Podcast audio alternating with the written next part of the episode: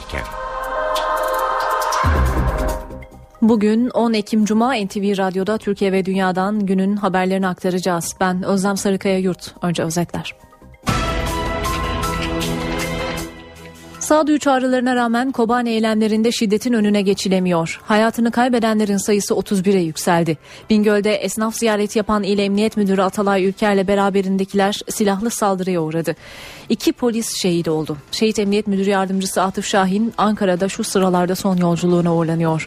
Başkomiser Hüseyin Hatipoğlu ise yarın Amasya'da toprağa verilecek. Şiddet eylemleri ve CHP lideri Kılıçdaroğlu'nun yeni tezkere önerisi siyasette tartışılıyor. Devletin zirvesinden başbakandan ana muhalefete dönük eleştiriler geldi. Tepkilere Genel Başkan Kemal Kılıçdaroğlu yanıt verdi. Neler söylediğini az sonra bakacağız.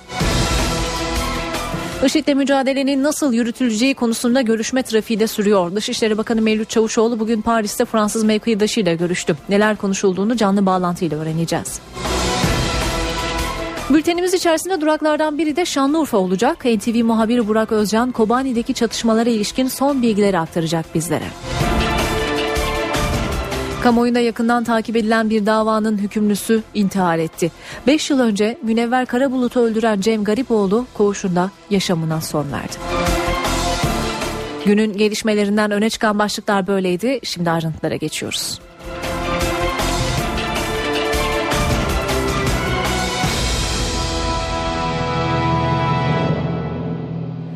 Kobani eylemlerinde bilanço ağırlaşıyor. Olayların dördüncü gününde İçişleri Bakanı Efkan Ala durum değerlendirmesi yaptı. 35 ilde çıkan olaylarda 31 kişinin öldüğünü duyurdu.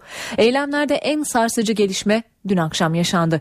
Bingöl'de çıkan şiddet olaylarında dükkanı zarar gören esnafı ziyaret ederken İl Emniyet Müdürü Atalay Ürker ve beraberindeki polisler silahlı saldırıya uğradı. Saldırıda Emniyet Müdür Yardımcısı ve bir başkomiser şehit oldu. Olayın ardından güvenlik güçleri kentte operasyon başlattı ve 4 kişi öldürüldü. Bingöl Emniyet Müdürü Atalay Ürker izinsiz gösterilerde hasar gören iş yerlerinde inceleme yapıyordu. Makam aracını valilik önüne bıraktıktan sonra yanındaki polislerle birlikte 200 metre mesafedeki Cenk Caddesi'ne doğru yürümeye başladı. Bu sırada yanlarında bir araç durdu. Araçtan inen saldırganlar uzun namlulu silahlarla ateş açtı. 21.30 sıralarında meydana gelen saldırıda Emniyet Müdürü Ürker, Yardımcı Atıf Şahin, Başkomiser Hüseyin Hatipoğlu ve Koruma Uğur adlı yaralandı. Hastaneye kaldırılan emniyet müdür yardımcısıyla başkomiser şehit oldu. Ameliyat edilen emniyet müdürü Atalay Ürker gece Ankara'ya sevk edildi. Koruma Uğur Adlı'nın da tedavisi sürüyor. Olayın ardından kaçan saldırganların yakalanması için geniş çaplı operasyon başlatıldı. Genç ilçesi girişinde durdurulmak istenen araçtan ateş açılınca çatışma çıktı. Bingöl Valiliğinden yapılan açıklamada çatışmada öldürülen 4 teröristin olayın faili olarak değerlendirildiği belirtildi. Araçta iki Kalaşnikov ve mühimmat bulundu. Gençteki grup e, terör örgütüyle bağlantılı bir grup. Belli gözaltılar var tabii ki. Şehit polisler için Bingöl Emniyet Müdürlüğü'nde tören düzenlendi. Kalkınma Bakanı Cevdet Yılmaz'la silah arkadaşlarının katıldığı törenin ardından şehit polisler Ankara'ya gönderildi. Müdür yardımcısı Atıf Şahin Ankara'da, Başkomiser Hüseyin Hatipoğlu da Amasya'da toprağa verilecek. Bu arada Ankara'da tedavisi devam eden Bingöl Emniyet Müdürü Atalay Ürker'in yerine Samsun 19 Mayıs Polis Meslek Yüksekokulu Müdürü Süleyman Pamuk atandı. Şimdi saldırıya uğrayan polislerin hikayelerine bakacağız. Başkomiser Hüseyin Hatipoğlu hafta sonu Ordu'daki kızıyla eşinin yanına gitmeyi planlıyordu. Şehit olan diğer polis Atıf Şahin ise Bingöl'e bu yıl atanmıştı. Emniyet Müdürü Atalay Ürker ise polis akademisindeki başarılarıyla öne çıkan bir polis. Aynı zamanda şari yönü de var. Bayram izni iptal olunca eşiyle kızını Ordu'ya gönderdi. Hafta sonu onları almak için Ordu'ya gidecekti. Silahlı saldırıda şehit oldu. Başkomiser Hüseyin Hatipoğlu Bingöl'de yaklaşık 3 yıldır görev yapıyordu. Bayramda eşi ve 2 yaşındaki kızıyla birlikte Ordu'ya gidecekti. Ancak gösteriler nedeniyle izinler iptal olunca kızını ve eşini gönderdi. Hafta sonu Ordu'ya gidecek, ailesiyle birlikte Bingöl'e dönecekti. Eşinin yolunu gözleyen Sibel Hatipoğlu'na şehit haberi ulaştı. Kızıyla birlikte gece Bingöl'e döndü. Şehit Emniyet Müdür Yardımcısı Atıf Şahin ise 3 ay önce Bingöl'e atandı. Eski görev yeri Aydın'da sevilen bir polis olan Atıf Şahin'in acı haberi üzüntüyle karşılandı. Saldırıda yaralanan Emniyet Müdürü Atalay Ürker Bingöl'deki görevine bu yıl atandı. Meslekte hızlı yükselişiyle dikkat çeken bir isim.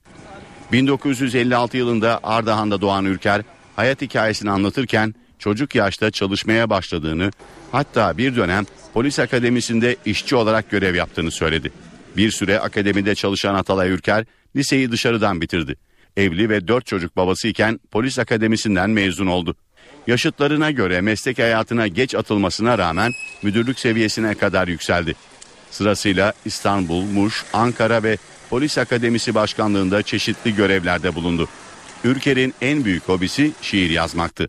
600'den fazla şiiri olan Şair Emniyet Müdürü'nün Bingöl için yazdığı bir şiir de var. Saldırıda şehit düşen iki polisten biri olan Emniyet Müdür Yardımcısı Atıf Şahin için Ankara Kocatepe Camii'nde cenaze töreni düzenlendi. Törene Meclis Başkanı Cemil Çiçek, Başbakan Yardımcısı Yalçın Akdoğan, Adalet Bakanı Bekir Bozdar'la CHP lideri Kemal Kılıçdaroğlu katıldı. Cenaze namazı sonrası Atıf Şahin'in naaşı Karşıyaka Mezarlığı'nda toprağa verildi. Saldırıda şehit düşen Başkomiser Hüseyin Hatipoğlu ise yarın memleketi Amasya'da son yolculuğuna uğurlanacak. Saldırıda yaralanan Bingöl Emniyet Müdürü Ata, Altay, Atalay Ülker'in tedavisi ise Ankara Numune Hastanesi'nde sürüyor. Ülker'i bugün Başbakan, İçişleri ve Sağlık Bakanları ile CHP lideri Kemal Kılıçdaroğlu ziyaret etti. Ülkenin sağlık durumuna ilişkin bilgi veren Profesör Nurullah Zengin, kurşun akciğerde tahribata yol açtı. Ülker şu anda yoğun bakımda solunum cihazına bağlı dedi. Tansiyon dün gece bölge genelinde yüksekti. Gaziantep'te karşıt görüşlü grubun çatışmasında 4 kişi hayatını kaybetti. Diyarbakır ve Mersin'de de polise hedef alan saldırılar oldu. 5 polis yaralandı. Gaziantep'teki protesto gösterilerinde karşıt görüşlü iki grup arasında gerginlik yaşandı. Taraflar birbirlerine taş, sopa hatta kılıç ve silahlarla saldırdı. Olayda 4 kişi hayatını kaybetti. 3'ü polis 11 kişi ise yaralandı. Ölenlerden biri 20 yaşındaki Sevgi Balcı'ydı. Genç kadın evinde televizyon izlerken kurşunlara hedef oldu. Sevgi Balcı'nın 10 aylık bir bebeği vardı. Kentte olaylar gece geç saatlere kadar sürdü. BDP, Şehit Kamil ve Şahin Bey ilçe binaları göstericiler tarafından ateşe verildi. Polis gruplara gaz bombası ve basınçlı suyla müdahale etti. Mardin'in Dargeçit ilçesinden de ölüm haberi geldi. Olaylarda yaşamını yitiren iki kişinin cenaze törenine katılan bir grup, Dargeçit Jandarma Komutanlığı'na el yapımı patlayıcı attı. Çıkan çatışmada bir kişi öldü, altı kişi yaralandı. Diyarbakır, Gaziantep ve Mersin'de ise polislere yönelik saldırılar oldu. Bağlar ilçesinde sivil polis aracına açılan ateş sonrası çıkan çatışmada 4 saldırgan yaralı yakalandı. Gaziantep'te 25 Aralık polis merkezine teröristlerce ateş açıldı. Çatışma çıktı. 3 polis yaralandı. Mersin'de de olaylara müdahale eden polislere göstericiler uzun namlulu silahlarla saldırdı. Saldırıda iki çevik kuvvet polisi yaralandı. Gerginlik yaşanan illerden biri de Şırnak'tı. Habur sınır kapısından giren bir yaralının IŞİD mensubu olduğu iddiası üzerine olaylar çıktı. BDP binası önünde eylem yapan kalabalık polis müdahalesiyle dağıldı. Cizre'de ise yolları barikatla kapatan göstericiler araçları ateşe verdi.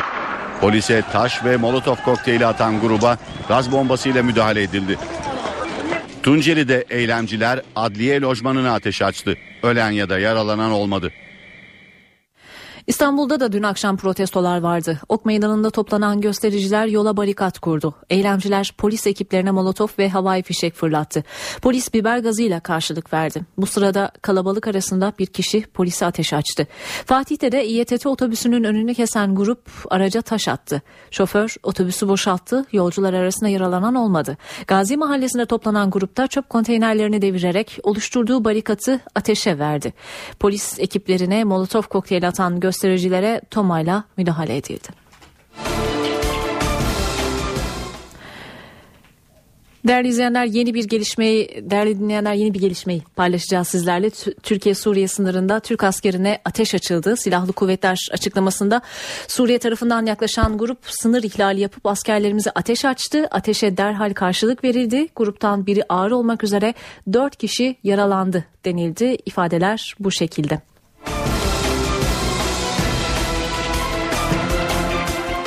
Şiddet eylemlerinin artmasının ardından CHP lideri Kemal Kılıçdaroğlu Kobani için yeni bir tezkere önerisinde bulunmuştu. O öneriyi Başbakan Ahmet Davutoğlu bugün değerlendirdi. Davutoğlu komik bir teklif. Kılıçdaroğlu'nun aklına ihtiyacımız yok dedi.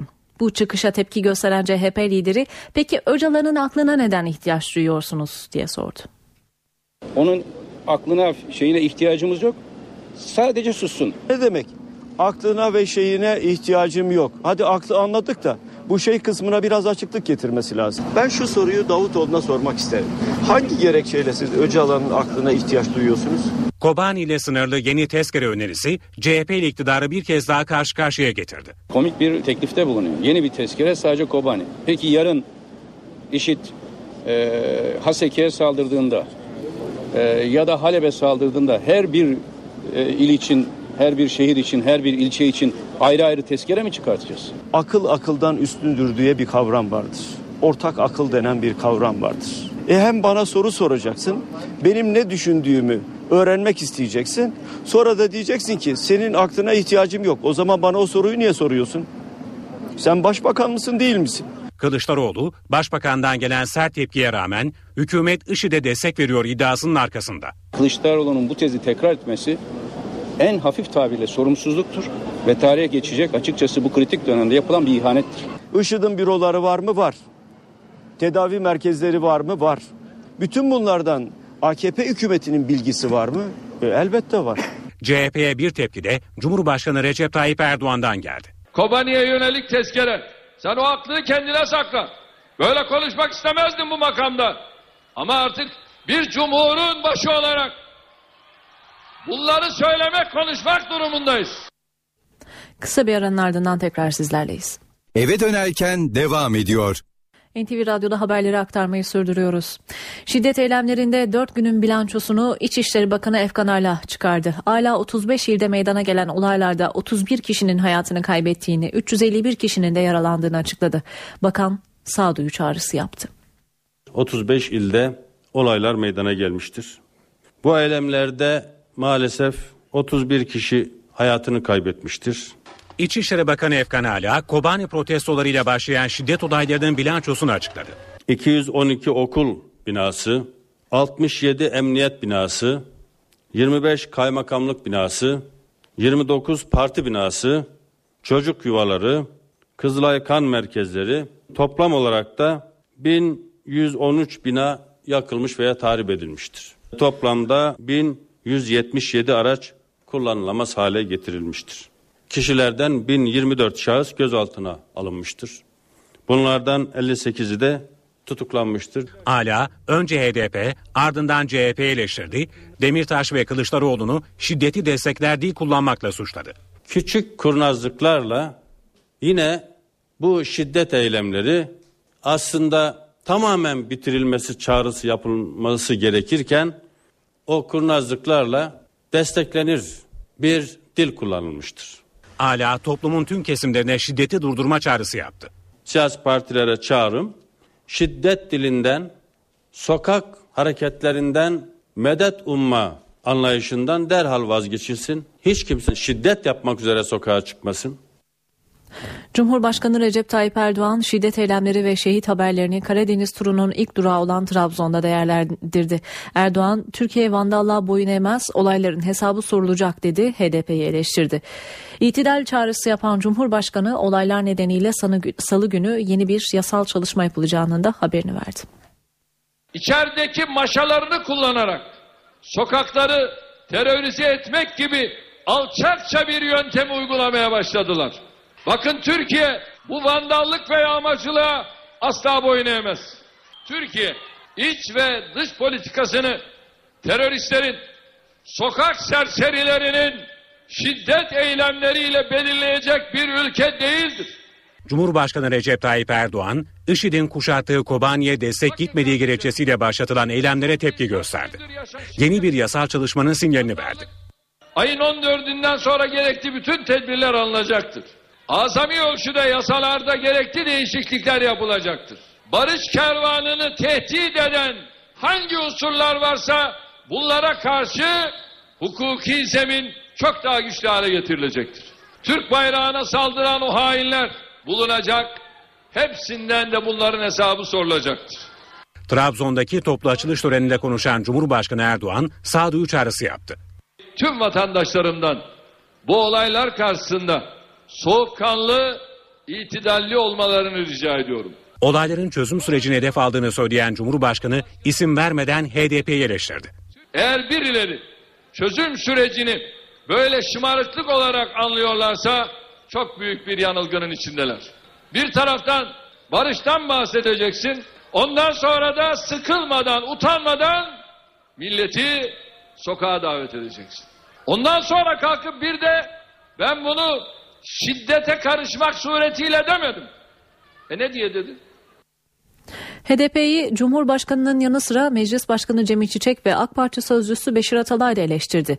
İki isim HDP'yi şiddet gölgesinde siyaset yapmakla suçladı.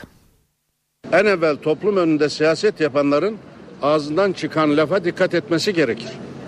İnsanları sokağa davet ederseniz, çözümü sokakta ararsanız bu birilerine hizmet eder ama milletimize hizmet etmiş olmaz. Nitekim hizmet etmedi. 30 vatandaşımız kaybedildi. Ömür boyu şiddetin gölgesinde, desteğinde siyaset yapanlar tabii biraz siyaset yapar gibi oluyorlar ama ondan sonra tekrar o şiddetin gölgesine sığınıyorlar. Halkların Demokratik Partisi eylem çağrısı nedeniyle eleştirilerini definde. Meclis Başkanı Cemil Çiçek siyasi partileri sorumlu davranmaya çağırdı. Ama siz şunu derseniz o zaman bu diyalog olmaz. Ben senden devlet olarak, hükümet olarak şunları şunları istiyorum. Ama bunları yapmazsan bunların ucunu C4 patlayıcıya bağlarım diyorsan bu senin yaptığın diyalog falan değildir. AK Parti sözcüsü Beşir Atalay ise eş başkan Demirtaş'ın basın toplantısını hatırlattı. Terleyerek o basın toplantısını yaptı.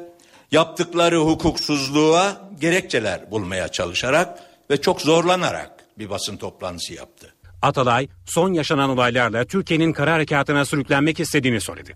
PYD'nin IŞİD'le mücadele etmesi için Türkiye koridor açsın talebine karşı çıktı. İnsani yardım Kızılay kanalıyla gönderiyor. Silah gönderme falan gibi bir şey bizim siyasetimizin e, uygulamamızın içinde söz konusu değil. Eleştiriler böyleydi. Tepkilerin odağındaki HDP'den de açıklama geldi. HDP Bingöl'de iki polisin şehit edilmesinin kaygıları artıran ciddi bir gelişme olduğu ve her yönüyle soruşturulması gerektiğini belirtti. Taşları e, Halkların Demokratik Partisi Bingöl'deki bu vahim olayın bütün taraflarca her yönüyle soruşturulmasının önemine dikkat çekiyoruz dedi. Bu ve benzeri olayların bütün gidişatı tümden olumsuz bir yöne çevirebilecek potansiyele sahip olduğu ifade edildi. Açıklamada hiç kimse hiçbir yerde birbirine karşı asla şiddete başvurmamalı çağrısı yapıldı. Çağrılardan biri de KCK'ya yönelikti. Kandil'in sürecin önünü açacak tedbirler alması istendi. Türk Silahlı Kuvvetleri Suriye sınırında artan gerilim üzerine bölgeye takviye birlikler gönderiyor. İlk aşamada 1. Ordu Komutanlığı'na bağlı bir tank taburuyla obüs taburu bölgeye sevk edildi. Kayseri ve Bolu Komando Tugaylarına da hazır ol emri verildi. Suriye sınırına batıdan askeri takviye başladı. Tank konvoyları yola çıktı. İstanbul'daki 1. Ordu Komutanlığı'na bağlı bir tank taburu Suriye sınırındaki birliklerde görev almak üzere yola çıktı. Türk Silahlı Kuvvetleri'nin envanterindeki en gelişmiş tanklar Trakya bölgesine konuştu Tugaylar'da görev yapıyor. Bölgeye gönderilen tank taburu da İsrail tarafından modernize edilen ateş gücü ve zırh mukavemeti yüksek gelişmiş M60 tanklarından oluşuyor. Söz konusu tanklar halen sınırda görev yapan eski nesil M60 tanklarından farklı olarak 120 mm topa sahip. Zırhları da anti tank füzelerine karşı daha korunaklı. Tankların yanı sıra bölgeye yine 1. Ordu'dan bir fırtına obüs taburu da sevk edildi. Kendinden motorlu 155 milimetrelik obüsler hareket halindeyken 30 saniye içinde atış görevine hazır olabiliyor ve 8 atımlık bir atış görevini 1 dakika içinde tamamlayabiliyor. Türk Silahlı Kuvvetleri bölgedeki kara birliklerini de takviyeye hazırlanıyor. Edinilen bilgiye göre yıllardır bölgede terörle mücadelede etkin rol üstlenen Kayseri ve Bolu komando tugaylarına olası bir intikal için hazır ol emri verildi. Gelişmelerin seyrine göre her iki tugaydan en kısa sürede bölgede görev alacak şekilde hazırlıklarını tamamlamaları istendi. Para ve sermaye piyasalarındaki işlemleri aktaracağız. Borsa İstanbul şu sıralarda 73.892 seviyesinde serbest piyasada dolar 2.28 euro 2.88'den işlem görüyor. Kapalı çarşıda ise Cumhuriyet altın 600 çeyrek altın 146 liradan satılıyor. NTV Radyo'nun yayını kısa bir aranın ardından Kemal Yurter'in hazırlayıp sunduğu Muhabirden programıyla devam edecek. Canlı yayın. Sayın dinleyenler, Cumhurbaşkanı Erdoğan Karadeniz Teknik Üniversitesi'nin açılış töreninde konuşuyor, dinliyoruz. Sevk etmiştir. Ve malum siyasi parti bir kez daha kendi iradesini ayaklar altına almış, demokratik, meşru, cesur bir mücadele vermek yerine eski Türkiye aktörlerinin oyuncağı haline gelmiştir. Saygıdeğer hocalarım, Türkiye olarak biz Suriye ve Irak'taki krizler karşısında her zaman büyük devlet refleksleriyle ve soğukkanlıkla hareket ettik. Suriye rejimi uçağımızı düşürdüğünde sabırla hareket ettik ve misliyle karşılık verdik. Ama bunu soğukkanlılıkla ve büyük devlet refleksiyle yaptık. Suriye'nin onlarca şehrinde hep dünyadaki güç odakları şunu söylediler. Kimyasal silah kullanıyor mu kullanmıyor mu? Kullanıyor. Ve çok enteresandır. St. Petersburg'da G20 zirvesindeyiz. Akşam çalışma yemeğinde 20 lider aynı masanın etrafında konuşuyoruz. Ve kimyasal silahtan rahatsız oluyorlar. O zaman kimyasal silahla ölenlerin sayısı 1600 bu civarda. Fakat ilginç olan konvansiyonel silahlarla ölenlerin sayısı 120 bin civarındaydı. Kimse konvansiyonel silah kullanmıyor. Onu konuşmuyor. Kimyasal silaha karşı ne yapacağız bunu konuşuyorlar. Tabi sıra bize gelince dedim ki yani neticesi ölüm olan ve ölümü hazırlayan silah kimyasal silah olsa ne olur? Konvansiyonel silah olsa ne olur? Bizim için önemli olan konvansiyonel silahlarla ne kadar insan öldürüldü? Kimyasalla ne kadar öldürüldü? Kimyasalla 1600, konvansiyonel silahla 120 bin insan öldürüldü. Siz konvansiyonel silahlara karşı herhangi bir tedbiri burada tartışmıyorsunuz. Kimyasal silahı tartışıyorsunuz. Soruyorum dedim. Hangi ülkeler şu anda Suriye'ye füzeleri veriyor? Varil bombalarını veriyor, fosfor bombalarını veriyor. Kim veriyor? Hepsi de orada. Bu işin failleri de orada. Ama hiçbirinin işine gelmiyor. Çünkü onlar için buralar aynı zamanda pazar. Dolayısıyla bizim buralarda hassasiyetimiz büyük önem arz ediyor. Şu anda da aynı şekilde Suriye bu kadar şımarıyorsa şımarmasının arkasındaki gerçek ona bu silahları veren ülkelerdir. Bakınız Irak'ta Musul IŞİD tarafından işgal edildiğinde bu adını verdiğim siyasi parti hissesini çıkarmadı. Ama biz soğukkanlı davrandık. Başkonsolosumuz ve başkonsolosluk çalışanları rehin alındığında biliyorsunuz bazı partiler hükümet niye Irak'a girmiyor? Niye Suriye'ye girmiyor? Niye başkonsolosluk temsilcilerimizi kurtarmıyor dediler.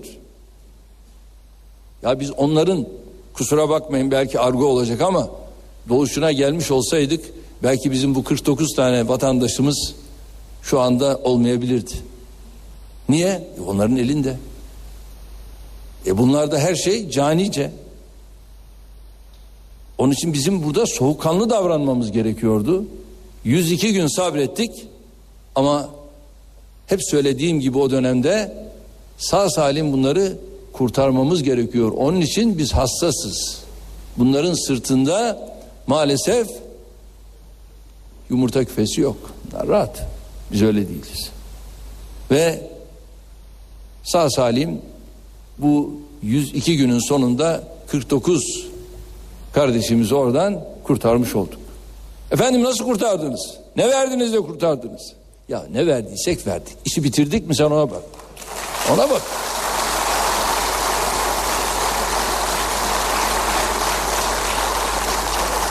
Ama burada sağ olsun Milli İstihbarat Teşkilatımız gerçekten çok çok önemli, çok stratejik, taktiklerini iyi belirledi ve her an iç içe olduğumuz, her an görüştüğümüz, konuştuğumuz ve o 102 günlük süre içerisinde sürekli takibiyle, sürekli bu işin nerede ne oluyor, ne gidiyor gerek silahlı kuvvetlerimiz, istihbarat teşkilatımız yakın takibiyle hamdolsun bunu bu şekilde bitirmeye muvaffak oldu. Tabi burada Arap, Türkmen, Kürt, Ezidi, Süryani ayrımı yapmadan gerektiğinde kendi topraklarında, gerektiğinde ülkemize misafir etmek suretiyle her birine yardım elimizi uzattık. Büyük devlet sokaktaki şiddet eylemlerine, vandallığa, yağmacılığa, şımarıklığa teslim olan devlet değildir. Büyük devlet her şeyden önce politikalarını içeriden ve dışarıdan yapılan tahriklere göre belirleyen devlet hiç değildir. Ve açık açık ifade ediyorum. İçeride de dışarıda da politikalarımızı biz belirleriz. Bizim gündemimizi dünyada hiçbir ülke belirleyemez. Hiç kimsenin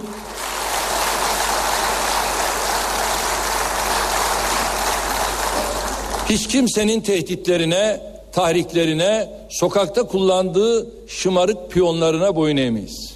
Türkiye IŞİD'le de mücadele eder, PKK'yla da mücadele eder ve ediyor.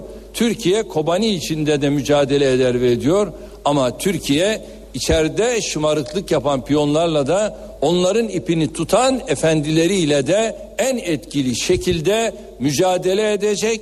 Güce, donanıma, kudrete ve iradeye de ziyadesiyle sahiptir. Bunu bilmenizi istiyorum.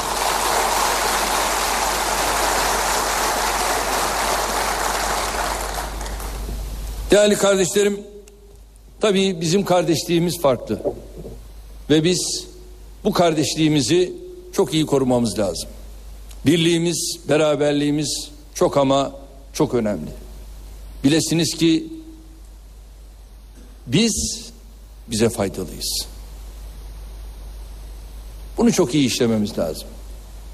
Hele hele üniversitelerimizin içerisine ayrımcılık tohumlarını atanlara değerli hocalarım sizlerin çok dikkat etmesi lazım. Çünkü bu işin ihyası da inşası da sizlerin elindedir.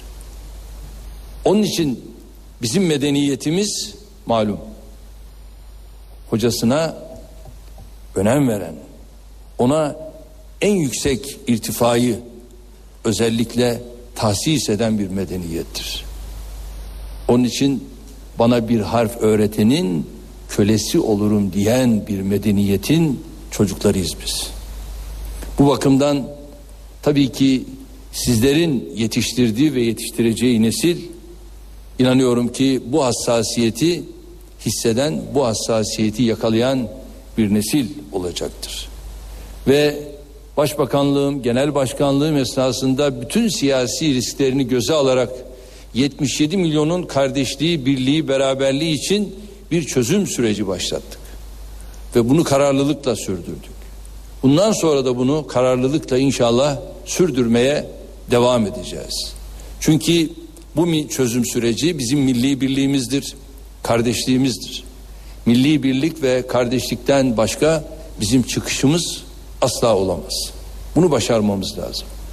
Ve ülkemizin geleceği noktasında biz hiçbir endişe taşımıyoruz. İnşallah 2023 hedefleri 2071 hedefleri bizler için hayal değildir. Bu millet bunları inşa etmeye muktedirdir. Ama diyorum ya bunun bahanesi sizler olacaksınız. Sizlerle böyle bir akademik yılın açılışında bir arada olmanın mutluluğunu yaşadığımız için özellikle şahsım, eşim, tüm arkadaşlarım bizler de mutluyuz. Ben bu akademik yıl içerisinde sizlere farklı başarılar temenni ediyorum. Rabbim yar yardımcımız olsun. Bütün öğrencilerimize de başarılar diliyorum. Hepinize hayırlı yıllar temenni ederken nice bu tür organizasyonlarda bir arada olmanın inşallah mutluluğunu Rabbim bizlere yaşatsın diyorum. Cumhurbaşkanı Cumhurbaşkanı Recep Tayyip Erdoğan Karadeniz Teknik Üniversitesi'nin akademik yıl açılış töreninde konuştu. Biz de canlı olarak dinlettik sizlere. NTV Radyo'nun yayını devam ediyor.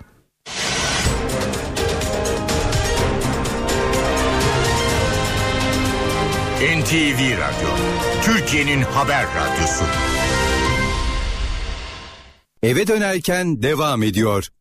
Saat 18 Türkiye ve dünyada günün öne çıkan haberlerini aktarıyoruz. Sağduyu çağrılarına rağmen Kobani eylemlerinde şiddetin önüne geçilemiyor. Hayatını kaybedenlerin sayısı 31'e yükseldi. Bingöl'de esnaf ziyareti yapan İl Emniyet Müdürü Atalay Yürker'le beraberindekiler silahlı saldırıya uğradı. İki polis şehit oldu. Şehit Emniyet Müdürü Yardımcısı Atıf Şahin Ankara'da son yolculuğuna uğurlandı. Başkomiser Hüseyin Hatipoğlu ise yarın Amasya'da toprağa verilecek. Şiddet eylemleri ve CHP lideri Kemal Kılıçdaroğlu'nun yeni tezkere önerisi siyasette tartışılıyor. Başbakan komik bir öneri onun aklında ihtiyacım yok dedi. Bu sözlere tepki gösteren Genel Başkan Kemal Kılıçdaroğlu peki Öcalan'ın aklına neden ihtiyaç duyuyorsunuz diye sordu.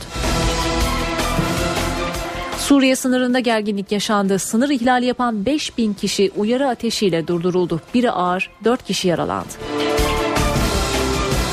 Amerika öncülüğündeki koalisyon güçlerinin Kobani'de IŞİD'e yönelik hava saldırıları yoğunlaştı. Savaş uçakları aralarında eğitim kampının da olduğu 9 IŞİD mevzisini vurdu.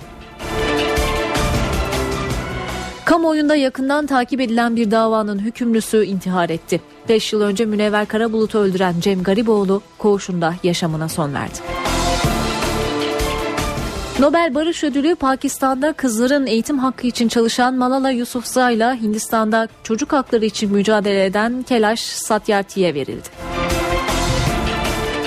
Amili futbol takımı bu akşam 2016 Avrupa Şampiyonası elemelerinde Çek Cumhuriyeti ile karşılaşacak. Maç notlarını Kadıköy'den canlı bağlantıyla alacağız.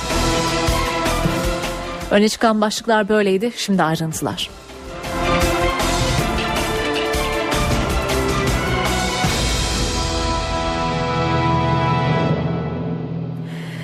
Cumhurbaşkanı Recep Tayyip Erdoğan, Kobani eylemlerini Trabzon'da Karadeniz Teknik Üniversitesi'nin akademik yıl açılış töreninde değerlendirdi. Erdoğan, şehirleri yangın yerine çevirmek için eylem yapanlar bölücü terör örgütü üyeleridir. Bunları tanıyoruz. Artık ne polisimiz ne askerimiz kalkan kaldırıp bu işin önüne geçemez. Gereği neyse askerimiz de polisimiz de onu yapacak dedi. Kobani için yeni tezkere önerisini eleştiren Cumhurbaşkanı CHP lideri Kemal Kılıçdaroğlu'na sert sözlerle yüklendi. Esad'ı korumak için mi bunu yapıyorsun diye sordu. Erdoğan HDP'nin sokağa çıkın çağrısını da eleştirdi. Olayları teşvik ettiniz şimdi de söylediklerimi nasıl geri alabilirim bunun gayreti içindesiniz diye konuştu. Erdoğan Cumhurbaşkanı sıfatıyla böyle konuşmak istemezdim ama 31 kişinin bu şekilde ölmesi beni bu noktaya sevk etti dedi. Koalisyon gücüne katılmak için uçuşa yasak bölge, güvenli bölge ve muhaliflere eğit donat şartlarının yerine getirilmesi gerektiğini söyleyen Erdoğan aksi halde biz olmayacağız dedi. Yeni tezkere üzerine Başbakan Ahmet Davutoğlu ile önerinin sahibi CHP lideri Kemal Kılıçdaroğlu da karşılıklı açıklamalar yaptı. Başbakan Davutoğlu komik bir teklif Kılıçdaroğlu'nun aklına ihtiyacımız yok dedi. Bu çıkışa tepki gösteren CHP lideri peki Öcalan'ın aklına neden ihtiyaç duyuyorsunuz diye sordu. Onun aklına şeyine ihtiyacımız yok. Sadece sussun. Ne demek? Aklına ve şeyine ihtiyacım yok. Hadi aklı anladık da bu şey kısmına biraz açıklık getirmesi lazım. Ben şu soruyu Davutoğlu'na sormak isterim. Hangi gerekçeyle siz Öcalan'ın aklına ihtiyaç duyuyorsunuz? Kobani ile sınırlı yeni tezkere önerisi CHP ile iktidarı bir kez daha karşı karşıya getirdi. Komik bir teklifte bulunuyor. Yeni bir tezkere sadece Kobani. Peki yarın IŞİD e, Haseki'ye saldırdığında e, ya da Halep'e saldırdığında her bir e, il için, her bir şehir için, her bir ilçe için ayrı ayrı tezkere mi çıkartacağız? Akıl akıldan üstündür diye bir kavram vardır. Ortak akıl denen bir kavram vardır. E hem bana soru soracaksın, benim ne düşündüğümü öğrenmek isteyeceksin. Sonra da diyeceksin ki senin aklına ihtiyacım yok. O zaman bana o soruyu niye soruyorsun? Sen başbakan mısın değil misin? Kılıçdaroğlu, başbakandan gelen sert tepkiye rağmen hükümet IŞİD'e destek veriyor iddiasının arkasında. Kılıçdaroğlu'nun bu tezi tekrar etmesi en hafif tabirle sorumsuzluktur ve tarihe geçecek açıkçası bu kritik dönemde yapılan bir ihanettir. IŞİD'in büroları var mı? Var. Tedavi merkezleri var mı? Var. Bütün bunlardan AKP hükümetinin bilgisi var mı? E, elbette var. Kobani eylemlerinde bilanço ağırlaşıyor. Olayların dördüncü gününde İçişleri Bakanı Efkan Ala durum değerlendirmesi yaptı. 35 ilde çıkan olaylarda 31 kişinin öldüğünü duyurdu. Eylemlerde en sarsıcı gelişme dün akşam yaşandı. Bingöl'de çıkan şiddet olaylarında dükkanı zarar gören esnafı ziyaret ederken İl Emniyet Müdürü Atalay Yürker ve beraberindeki polisler silahlı saldırıya uğradı. Saldırıda Emniyet Müdür Yardımcısı ve bir başkomiser şehit oldu. Olayın ardından güvenlik güçleri kentte operasyon başlattı ve 4 kişi öldürüldü. Bingöl Emniyet Müdürü Atalay Ürker izinsiz gösterilerde hasar gören iş yerlerinde inceleme yapıyordu. Makam aracını valilik önüne bıraktıktan sonra yanındaki polislerle birlikte 200 metre mesafedeki Cenk Caddesi'ne doğru yürümeye başladı. Bu sırada yanlarında bir araç durdu. Araçtan inen saldırganlar uzun namlulu silahlarla ateş açtı. 21.30 sıralarında meydana gelen saldırıda Emniyet Müdürü Ürker, Yardımcı Atıf Şahin, Başkomiser Hüseyin Hatipoğlu ve Koruma Uğur adlı yaralandı. Hastaneye kaldırılan emniyet müdür yardımcısıyla başkomiser şehit oldu. Ameliyat edilen emniyet müdürü Atalay Ürker gece Ankara'ya sevk edildi. Koruma Uğur Adlı'nın da tedavisi sürüyor. Olayın ardından kaçan saldırganların yakalanması için geniş çaplı operasyon başlatıldı. Genç ilçesi girişinde durdurulmak istenen araçtan ateş açılınca çatışma çıktı. Bingöl Valiliğinden yapılan açıklamada çatışmada öldürülen 4 teröristin olayın faili olarak değerlendirildiği belirtildi. Araçta iki Kalaşnikov ve mühimmat bulundu. Gençteki grup e, terör örgütüyle bağlantılı bir grup. Belli gözaltılar var tabii ki. Şehit polisler için Bingöl Emniyet Müdürlüğü'nde tören düzenlendi. Kalkınma Bakanı Cevdet Yılmaz'la silah arkadaşlarının katıldığı törenin ardından şehit polisler Ankara'ya gönderildi. Müdür yardımcısı Atıf Şahin Ankara'da, Başkomiser Hüseyin Hatipoğlu da Amasya'da toprağa verilecek. Bu arada Ankara'da tedavisi devam eden Bingöl Emniyet Müdürü Atalay Ürker'in yerine Samsun 19 Mayıs Polis Meslek Yüksekokulu Müdürü Süleyman Pamuk atandı. Saldırıda şehit düşen iki polisten biri olan Emniyet Müdür Yardımcısı Atıf Şahin için Ankara Kocatepe Camii'nde cenaze töreni düzenlendi. Törene Meclis Başkanı Cemil Çiçek, Başbakan Yardımcısı Yalçın Akdoğan, Adalet Bakanı Bekir Bozdağ'la CHP lideri Kemal Kılıçdaroğlu katıldı. Cenaze namazı sonrası Atıf Şahin'in naaşı Karşıyaka mezarlığında toprağa verildi. Saldırıda şehit düşen Başkomiser Hüseyin Hatipoğlu ise yarın memleketi Amasya'da son yolculuğuna uğurlanacak. Kobani eylemlerinin şiddete dönüştüğü noktalardan biri de Diyarbakır'dı. Kentte hayat yavaş yavaş normale dönüyor. Esnaf iş yerlerini temizlemeye başladı. Barikatla kapatılan yollar da açıldı. Diyarbakır'dan notları NTV bölge temsilcisi Nizamettin Kaplan aktarıyor. Maalesef ölü sayısı 12'ye çıktı Diyarbakır'da. E, dün son açıklanan rakamla 37 yaralı vardı hastanelerde tedavi gören ve onlardan iki kişi Cumali Güneş ve Murat Dağ bugün hayatını kaybetti. Cumali Güneş Dicle Üniversitesi'nde tedavi görüyordu. Murat Dağ ise Diyarbakır Eğitim ve Araştırma Hastanesi'nde tedavi görüyordu. Maalesef onlar hayatını kaybetti. Böylece Diyarbakır'da ölenlerin sayısı 12 oldu. Diğer yaralıların tedavilerine devam ediliyor. E, kentte bir e, normalleşme söz konusu. Bugün sabah itibariyle kentteki tüm esnaflar iş yerlerini açtı e, ve e, normal hayat e, devam ediyor.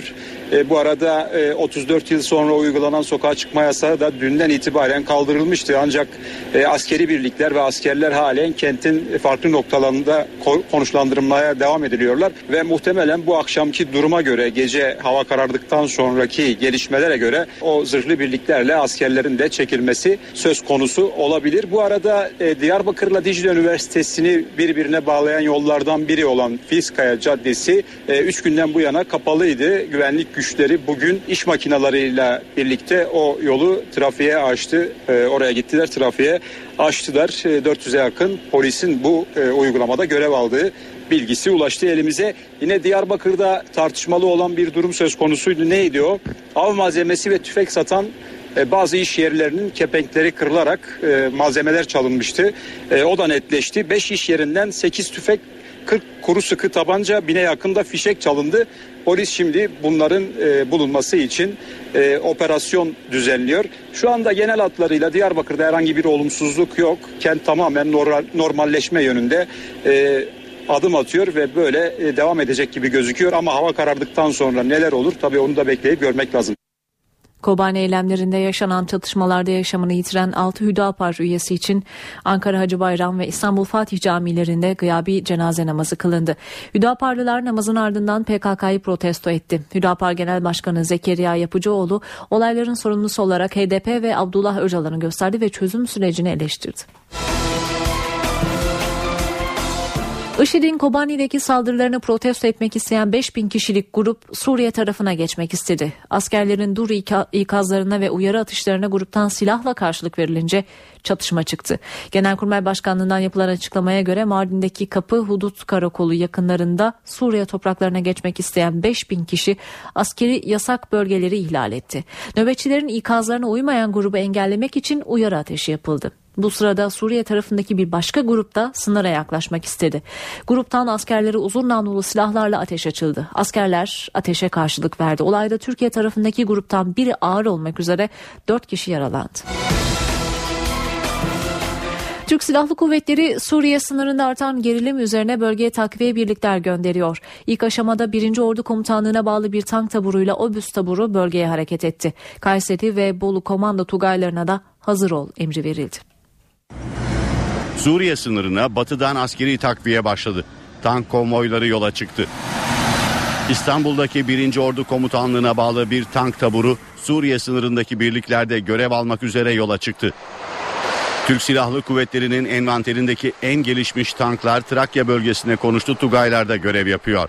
Bölgeye gönderilen tank taburu da İsrail tarafından modernize edilen ateş gücü ve zırh mukavemeti yüksek gelişmiş M60 tanklarından oluşuyor. Söz konusu tanklar halen sınırda görev yapan eski nesil M60 tanklarından farklı olarak 120 mm topa sahip. Zırhları da anti tank füzelerine karşı daha korunaklı. Tankların yanı sıra bölgeye yine 1. Ordu'dan bir fırtına obüs taburu da sevk edildi.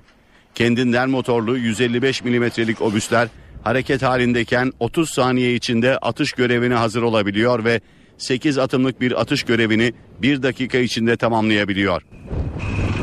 Türk Silahlı Kuvvetleri bölgedeki kara birliklerini de takviyeye hazırlanıyor. Edinilen bilgiye göre yıllardır bölgede terörle mücadelede etkin rol üstlenen Kayseri ve Bolu komando tugaylarına olası bir intikal için hazır ol emri verildi. Gelişmelerin seyrine göre her iki tugaydan en kısa sürede bölgede görev alacak şekilde hazırlıklarını tamamlamaları istendi. Amerika öncülüğündeki koalisyon güçleri Kobani'deki IŞİD mevzilerini vurmaya devam ediyor. En şiddetli bombardıman dün akşam gerçekleşti.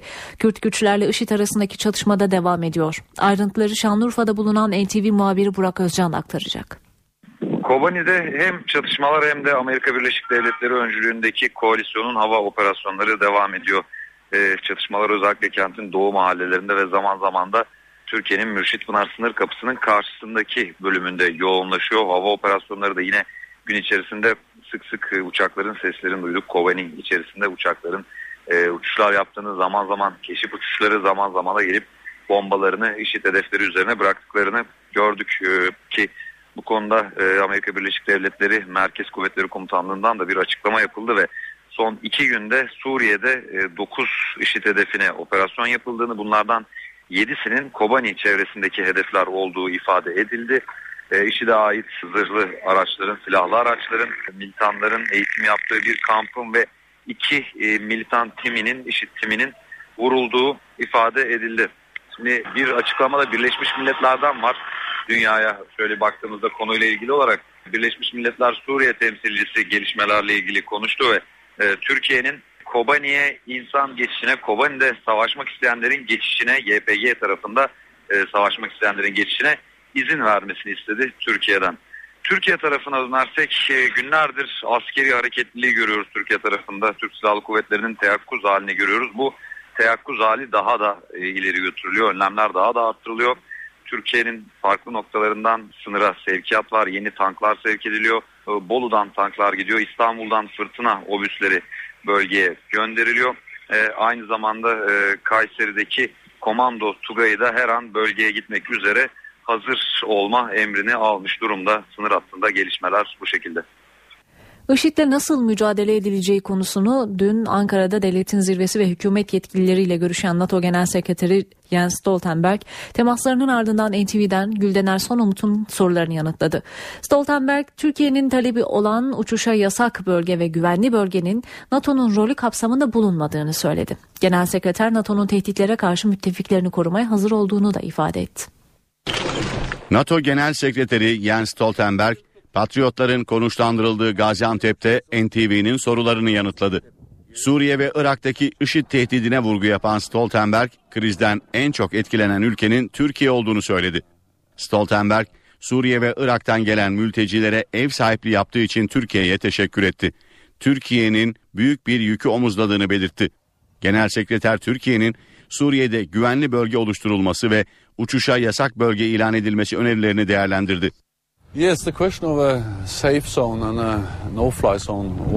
Başbakan Ahmet Davutoğlu ile güvenli bölge ve uçuşa yasak bölge konularını görüştük. Ancak bu konular hava operasyonları düzenleyerek IŞİD'le mücadele eden koalisyon kapsamında ele alındı.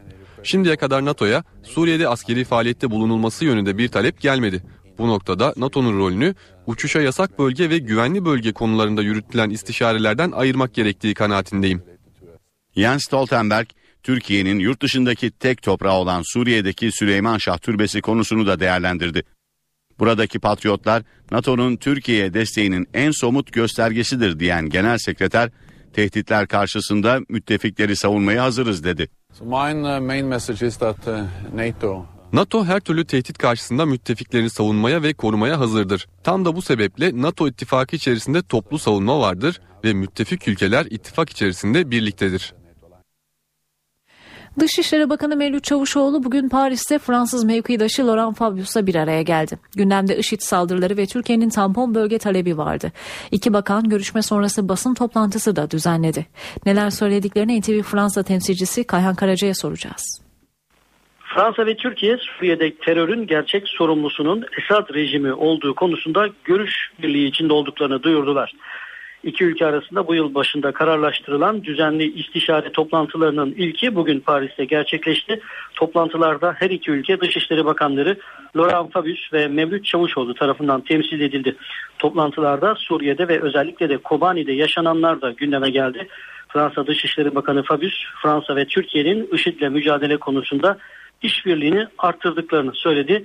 IŞİD'le mücadele konusunda iki ülke arasında tam görüş birliği olduğunu ifade etti. İki ülke istihbaratının iki ülke istihbarat servislerinin ortaklaşa çalıştığını belirtti. Fabius bununla birlikte içinde bulunulan durumun gerçek sorumlusunun Esad rejimi olduğunun unutulmaması gerektiğini hatırlattı. İki düşman arasında seçim yapmamız beklenemez şeklinde konuştu. Esad rejimine baskı arttırılmadıkça hiçbir süreç saygın olamaz ifadesini kullandı Fransız Bakan. E, Fabius Fransa'nın Suriyeli mülteciler konusunda Türkiye'ye yardıma devam edeceğini de bildirdi. Fransız Bakan Suriye'nin Türkiye sınırında bir tampon bölge fikrine destek verdiklerini de tekrarladı ancak bunun için uluslararası planda koordinasyona ihtiyaç olduğunu altını çizdi. Benzer mesajlar Dışişleri Bakanı Çavuşoğlu'ndan da geldi. Çavuşoğlu Türkiye'nin IŞİD'le mücadelede kararlı olduğunu söyledi ancak sadece hava saldırılarıyla mümkün olamayacağını belirtti. Bu mücadelenin Türkiye'nin tampon değil güvenli ve uçuşa yasak bölge istediğini belirten Çavuşoğlu terörün gerçek kaynağının Esad rejimi olduğunu söyledi ve IŞİD'den boşalacak yerlerin de başka terör örgütleri tarafından doldurulmaması gerektiğini hatırlattı. Türkiye'nin artık mülteci yükünün altından başa çıkamaz hale geldiğini belirten Çavuşoğlu bu kişilerin, bu mültecilerin Suriye'ye yerleştirilmesi gerektiğini, bunun için de güvenli bölgenin kaçınılmaz haline geldiğini belirtti. Bu arada e, iki ülke arasında 2014-2016 dönemini kapsayan yeni bir işbirliği anlaşması imzalandı. Kayhan Karaca, Paris. Birleşmiş Milletler Suriye Özel Temsilcisi Stefan de Mistura Türkiye'ye çağrıda bulundu ve hükümet Kobani'yi savunmak isteyen gönüllülere geçiş için izin vermeli dedi.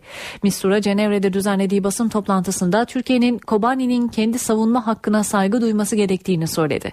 Suriye Özel Temsilcisi Birleşmiş Milletler'in yeni bir Srebrenica'nın yaşanmasını istemediğini belirtti. Stefan de Mistura IŞİD militanlarıyla Kürtler arasında çatışmaların sürdüğü Kobani'de halen çoğu yaşlı 500 ila 700 sivilin bulunduğunu belirtti. Suriye'de Esad rejiminin en büyük destekçilerinden biri olan Tahran'dan gelişmelerle ilgili ilk kez açıklama geldi.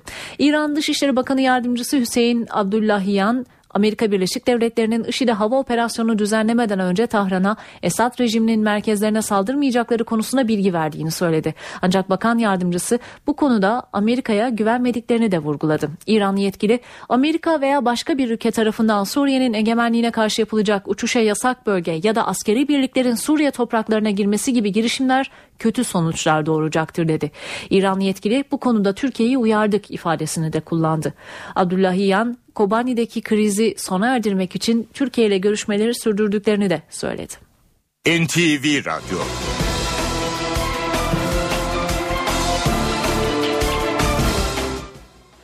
Lise öğrencisi Mürevver Karabulut'u öldürdüğü için 24 yıl hapis cezası alan Cem Garipoğlu Silivri cezaevinde kendini asarak yaşamına son verdi. Cem bunca zaman nerede saklandı? 17 yaşındaki lise öğrencisi Münevver Karabulut'u öldürmekten Silivri 5 nolu L tipi kapalı cezaevinde yatan Cem Garipoğlu kaldığı hücrede ölü olarak bulundu. İntihar ettiği belirtiliyor. Cem Garipoğlu 24 yıl hapis cezası almıştı. Münevver Karabulut'un cesedi 3 Mart 2009'da Etiler'deki bir çöp konteynerinde bulundu. Kısa süre içinde cinayetin faili belirlendi. Lise öğrencisi Karabulut'u erkek arkadaşı Cem Garipoğlu'nun Bahçeşehir'deki villasında vahşice öldürdüğü tespit edildi. Garipoğlu olaydan 197 gün sonra yakalandı. Mahkemedeki savunmasında cinayeti işlediğini itiraf etti. Pişman olduğunu, cezasını çekmek istediğini söyledi. Hakkındaki karar 18 Kasım 2011'de açıklandı. Garipoğlu'na en üst sınırdan ceza verildi. Çocuğa karşı tasarlayarak canavarca bir hisle ve eziyet ederek öldürmekle suçlandı, ağırlaştırılmış hapis cezasına çarptırıldı. Ama cinayetin işlendiği tarihte 18 yaşından küçük olduğu için 24 yıl hapis cezası aldı. Münevver Karabulut cinayeti haftalarca Türkiye'nin gündeminde kaldı. Cinayetin vahşice işlenmesinin yanı sıra Garipoğlu'nun 197 gün boyunca yakalanamaması olayı gündemde tuttu. Yakalanabilmesi için İstanbul'da özel bir ekip kuruldu. Türkiye dışında Interpol tarafından kırmızı bültenle arandı. İlerleyen süreçte polisin 16 ilde 106 adreste operasyon yaptığı öğrenildi.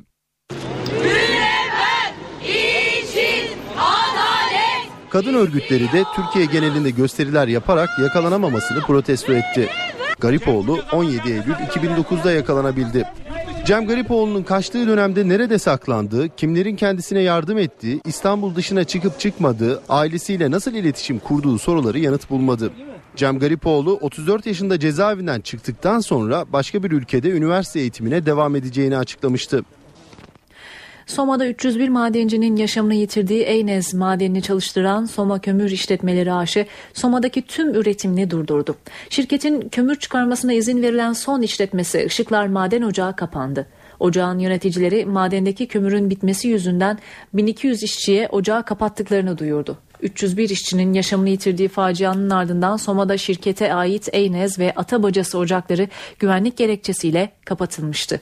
Işıklar Maden Ocağı'nın ise sadece küçük bölümünde üretim yapılmasına izin veriliyordu.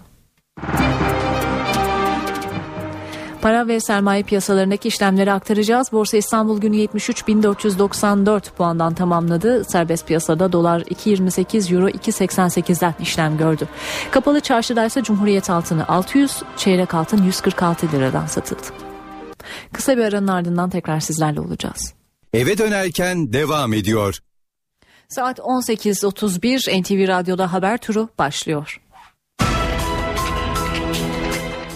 Cumhurbaşkanı Recep Tayyip Erdoğan Kobani eylemlerini Trabzon'da değerlendirdi. Polisimiz ve askerimiz terör örgütü üyelerine kalkan kaldırarak bu işin önüne geçemez. Artık gereği neyse o yapılacak dedi. Bingöl'de şehit edilen iki polisten Emniyet Müdür Yardımcısı Atıf Şahin Ankara'da toprağa verildi. Kocatepe Camii'nde kılınan cenaze namazına Meclis Başkanı Cemil Çiçek ve CHP lideri Kemal Kılıçdaroğlu, Başbakan Yardımcısı Yalçın Akdoğan ve bakanlar katıldı. Şahin'in naaşı cenaze töreninin ardından Karşıyaka mezarlığına defnedildi. Saldırıda şehit edilen Başkomiser Hüseyin Hatipoğlu da yarın Amasya'da toprağa verilecek. Dışişleri Bakanı Mevlüt Çavuşoğlu Paris'te Fransız mevkidaşı Laurent Fabius'la düzenlediği basın toplantısında bölgeden terörü yok etmek için kapsamlı bir strateji geliştirilmesi gerektiğini söyledi. Esad rejiminin terörün kaynağı olduğunu vurgulayan Çavuşoğlu, sivilleri varil bombalarıyla ve kimyasal silahlarla vuran rejim IŞİD'den daha az tehlikeli değil dedi.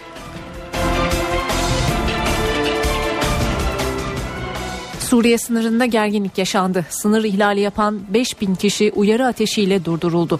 Biri ağır, 4 kişi yaralandı. Amerika öncülüğündeki koalisyon güçlerinin Kobani'de IŞİD'e yönelik hava saldırıları yoğunlaştı. Savaş uçakları aralarında eğitim kampının da olduğu 9 IŞİD mevzisini vurdu. 17 yaşındaki lise öğrencisi Münevver Karabulut'u öldürmekten 24 yıl hapis cezasına mahkum edilen Cem Garipoğlu, Silivri cezaevinde kaldığı hücrede ölü olarak bulundu. Garipoğlu'nun intihar ettiği belirtiliyor.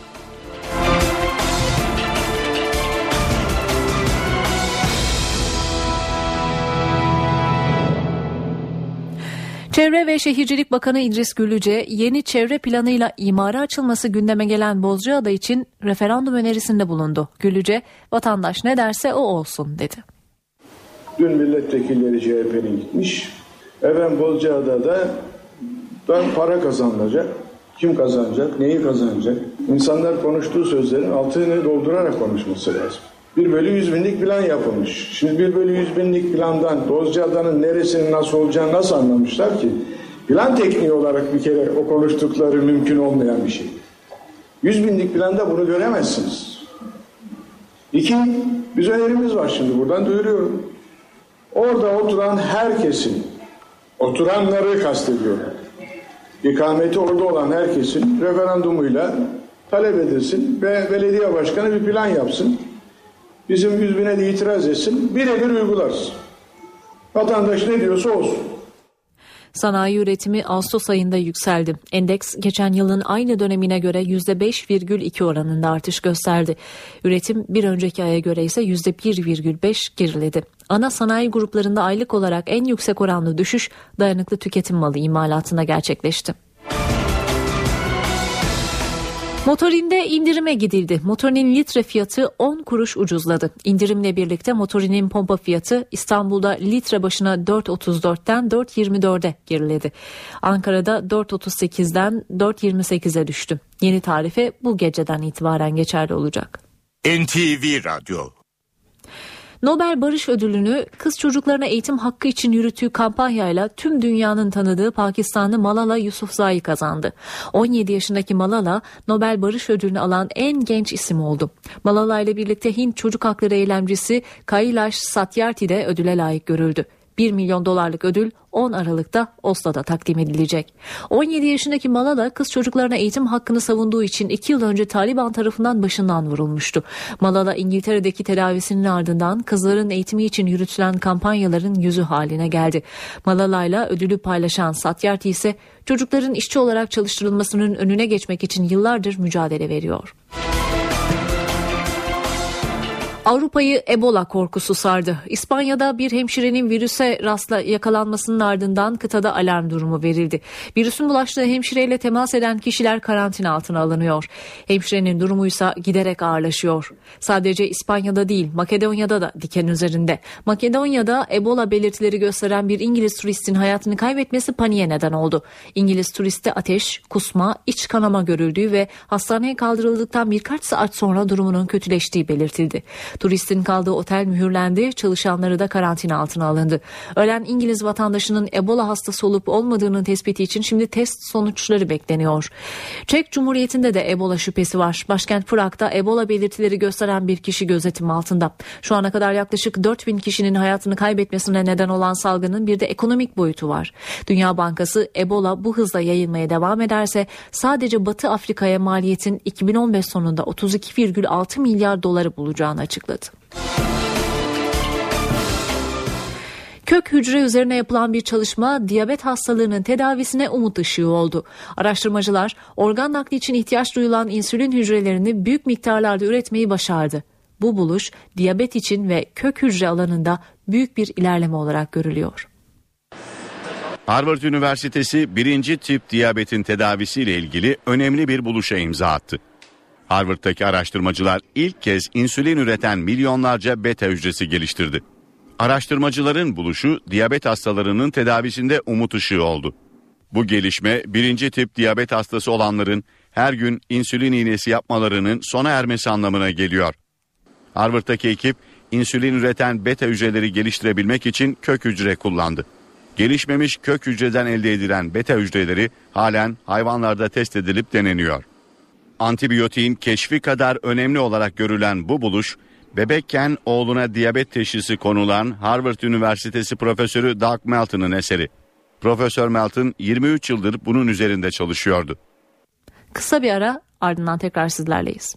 Eve dönerken devam ediyor. NTV Radyo'da haberleri aktarmayı sürdürüyoruz. A Milli Futbol takımı 2016 Avrupa Şampiyonası elemelerinde bu akşam Çek Cumhuriyeti'ni konuk edecek. 21.45'te başlayacak karşılaşmaya Türkiye önemli oyuncularından yoksun çıkacak. Hem milli takımdan hem de rakipten son bilgileri NTV Spor muhabiri Onur Tuğrul aktarıyor.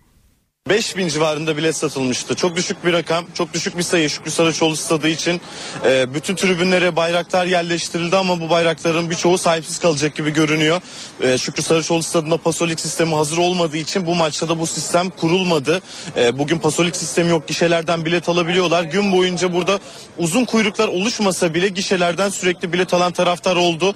Bu sayı yani 5000 dediğimiz sayı tabii bundan çok daha fazla olacak ama stadın tamamı dolmayacak gibi durduğunu söyleyebilirim. Maça daha çok uzun zaman var. Bu zaman e, neyi neleri getirir taraftar sayısı açısından bunu da ilerleyen saatlerde göreceğiz. Temel 11'lerden bahsedelim. Ev sahibi takımla Türkiye ile başlayalım. Kalede Tolga'nın oynamasını bekliyoruz. Savunma dörtlüsü Gökhan Gönül, Semih Ersan ve Caner'den oluşacaktır. Onların önünde Mehmet Topal ve Selçuk İnan sağda Oğuzhan veya Gökhan Töre, solda Olcay, forvet arkasında Arda Turan, ileri uçta da Umut Bulut tertibiyle sahaya çıkmasını bekliyoruz Fatih Terim'in milli takımının. Çek Cumhuriyeti'ne bakalım. Rakip ekipte kalede Peter Şehi yazıyoruz muhtemel 11'imize. Savunma dörtlüsü Kader Abek, Prohaska, Kadleş, Limberski. Önlerinde Darida, Vaha veya Plasil. Sağda Doçkal, solda Pilar, ortada Rosicki, ileri uçta Lafata. Burada bir parantez açmam gerekiyor. Kanat oyununa çok çalıştılar. Dünkü son antrenmanda da Çek Cumhuriyeti kanat oyunu çalıştı hücum varyasyonları açısından. Şöyle bir avantajı var. Sol bekle, sol önde oynayan iki oyuncu yani Limberski ve Pilar ikisi de Pilsen'de oynayan oyuncu iki oyuncu yani hep aynı takımda oynayan oyuncular. Sağ tarafa baktığımızda Kader Bekle Doçkal ikisi de Sparta Prag'ın oyuncusu. Yani iki bekte oynayan oyuncular zaten kendi liglerinde önlü arkalı oynamaya alışkın isimler. Teknik direktörleri Vırva'da bu sisteme hücum e, organizasyonları üzerine kurmuş durumda. Dünkü çalışmada da bunu gördük. Sırada bu akşam sergilenecek kültür sanat etkinliklerinden seçtiklerimiz var. Rock grubu Kurban bu akşam İstanbul'daki Bronx bir sahnede çıkıyor. Grubun eski ve yeni şarkılarını söyleyeceği konser saat 21'de başlayacak. Yine İstanbul'da Cihangir'deki Bol sahnede ise Bakarsın Bulutlar Gider adlı oyun sahneleniyor bu akşam. Özen Yula'nın yazıp yönettiği Seren Öztürk ve Kenan Ece'nin rol aldığı tek perdelik oyun sırlarla dolu bir geçmişin ardından yaşananları konu alıyor. Bakarsın Bulutlar Gider saat 20.30'da perdelerini açacak. Mor ve Ötesi Ankara'da konser veriyor. Jolly Joker Ankara'daki konser saat 22'de başlayacak. Teoman ve Athena ise İzmir'de aynı mekanda çıkacak bu akşam. İzmir Arena'daki konserler saat 19.30'da. Rock grubu Manga da İzmir'de bu akşam. Ozi Venue adlı mekandaki bu konserin başlama saati ise 23. Akşam evde olacaksanız saat 21'de CNBC'de Arrow, 22'de The Musketeers adlı diziler, Star TV'de saat 20.30'da Medcezir, 23.30'da ise Reaksiyon adlı diziler ekranda olacak. Sırada sinema bülteni var. Bu hafta vizyona 5 yeni film giriyor. Please welcome my partner in science and in life, Dr. Will Castor. Sinemalarda bu hafta dram, bilim kurgu, aksiyon ve romantik komedi türünde 5 yeni film var. Johnny Depp, Rebecca Hall, ve Morgan Freeman'ın oynadığı evrim bilim kurgu sevenlere hitap ediyor.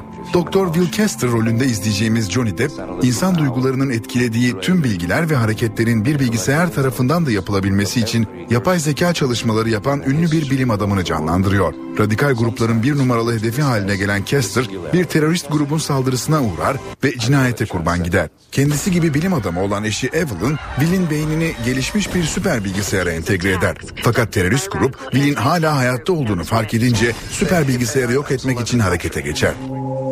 Nick Dunn, you're probably the most hated man in America right now. Did you kill your wife, Nick?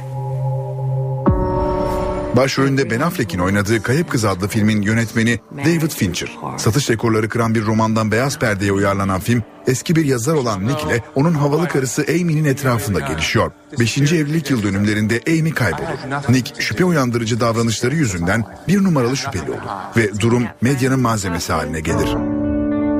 Nice wine. Thought it was worth it. Mike just got me a few days on a good job. Gerilim türündeki Ölümcül Oyun adlı Amerika yapımı filmin başrollerinde Kate Huston ve James Franco var. Bir edebiyat uyarlaması olan filmde senelerce tüm maddi birikimlerini çocuk tedavisi için kullanan ve maddi anlamda zor günlerden geçen Tom ve Anna çifti öldürülen kiracılarının apartman dairesinde buldukları parayı borçları için kullanma konusunda tereddüt etmez ve ne var ki bu karar adım adım belaya bulaşma süreçlerini tetikleyen ilk adım olur. You are still the best in the world. I need your help. The plot thickens. The Capledge family are socialites in the south of France. There's a woman who has them believing she's a spirit. Woody Allen'ın yönettiği Emma Stone ve Colin Firth'in oynadığı Sihirli Ay Işığı romantik komedi türünde bir film. 1920'lerin Fransa'sında geçen film, usta bir sihirbaz tarafından sahtekarlıkla suçlanan bir medyumun öyküsünü anlatıyor. Filme Güney Fransa'nın romantik görüntüleri eşlik ediyor. From great suffering, great pain, came a solution. Communities, where disorder became harmony. Seçilmiş adlı filmde ise Jeff Bridge ve Meryl Streep oynuyor. Rahat ve mutluluk dolu bir dünyada yaşayan genç bir adam olan Jonas'ın etrafında gelişen film, gerçeği arayan özgürlüğü bulur sloganıyla yola çıkıyor. Fantastik bilim kurgu türündeki bu filmde bir roman uyarlaması. Şimdi kısa bir ara NTV Radyo yayını reklamların ardından işten güçten haberler ve Gökhan'a buradan hava durumuyla devam edecek. Saat başına haberlerle yine yayında olacağız. Eve dönerken devam ediyor. Eve dönerken öne çıkan haberlerin özetleriyle devam ediyor. Kobani eylemlerinin bilançosu belli oldu. 35 ilde çıkan olaylarda 31 kişi hayatını kaybetti. Binden fazla kişi gözaltında. Bingöl'de düzenlenen saldırıda şehit olan Emniyet Müdür Yardımcısı Atıf Şahin Ankara'da toprağa verildi. Aynı olayda şehit edilen Başkomiser Hüseyin Hatipoğlu da yarın Amasya'da toprağa verilecek. Bu arada Gaziantep Emniyet Müdürü Ali Gezer dün akşam kentte gerçekleşen şiddet eylemlerinin ardından birçok noktaya baskın yapıldığını, operasyonlarda Türkiye'deki en büyük silah ve mühimmatın ele geçirildiğini söyledi.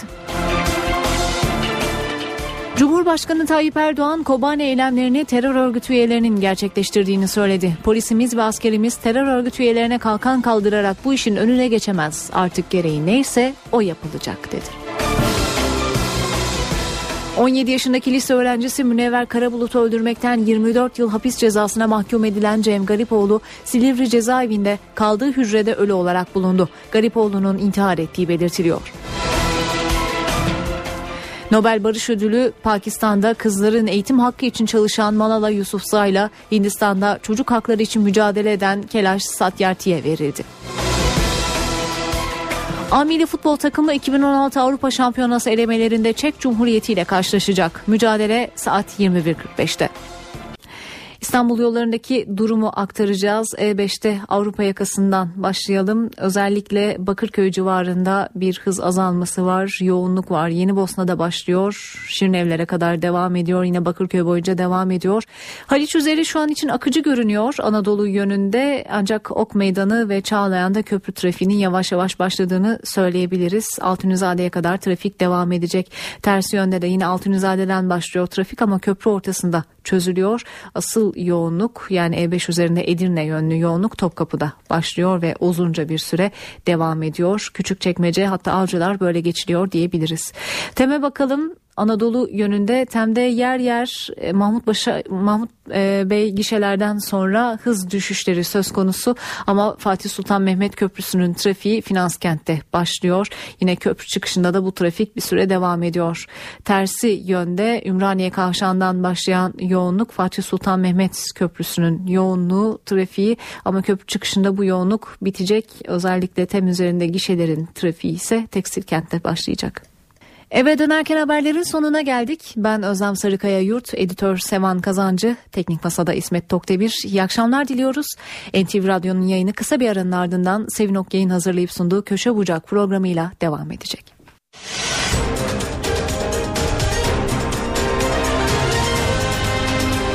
NTV Radyo, Türkiye'nin haber radyosu.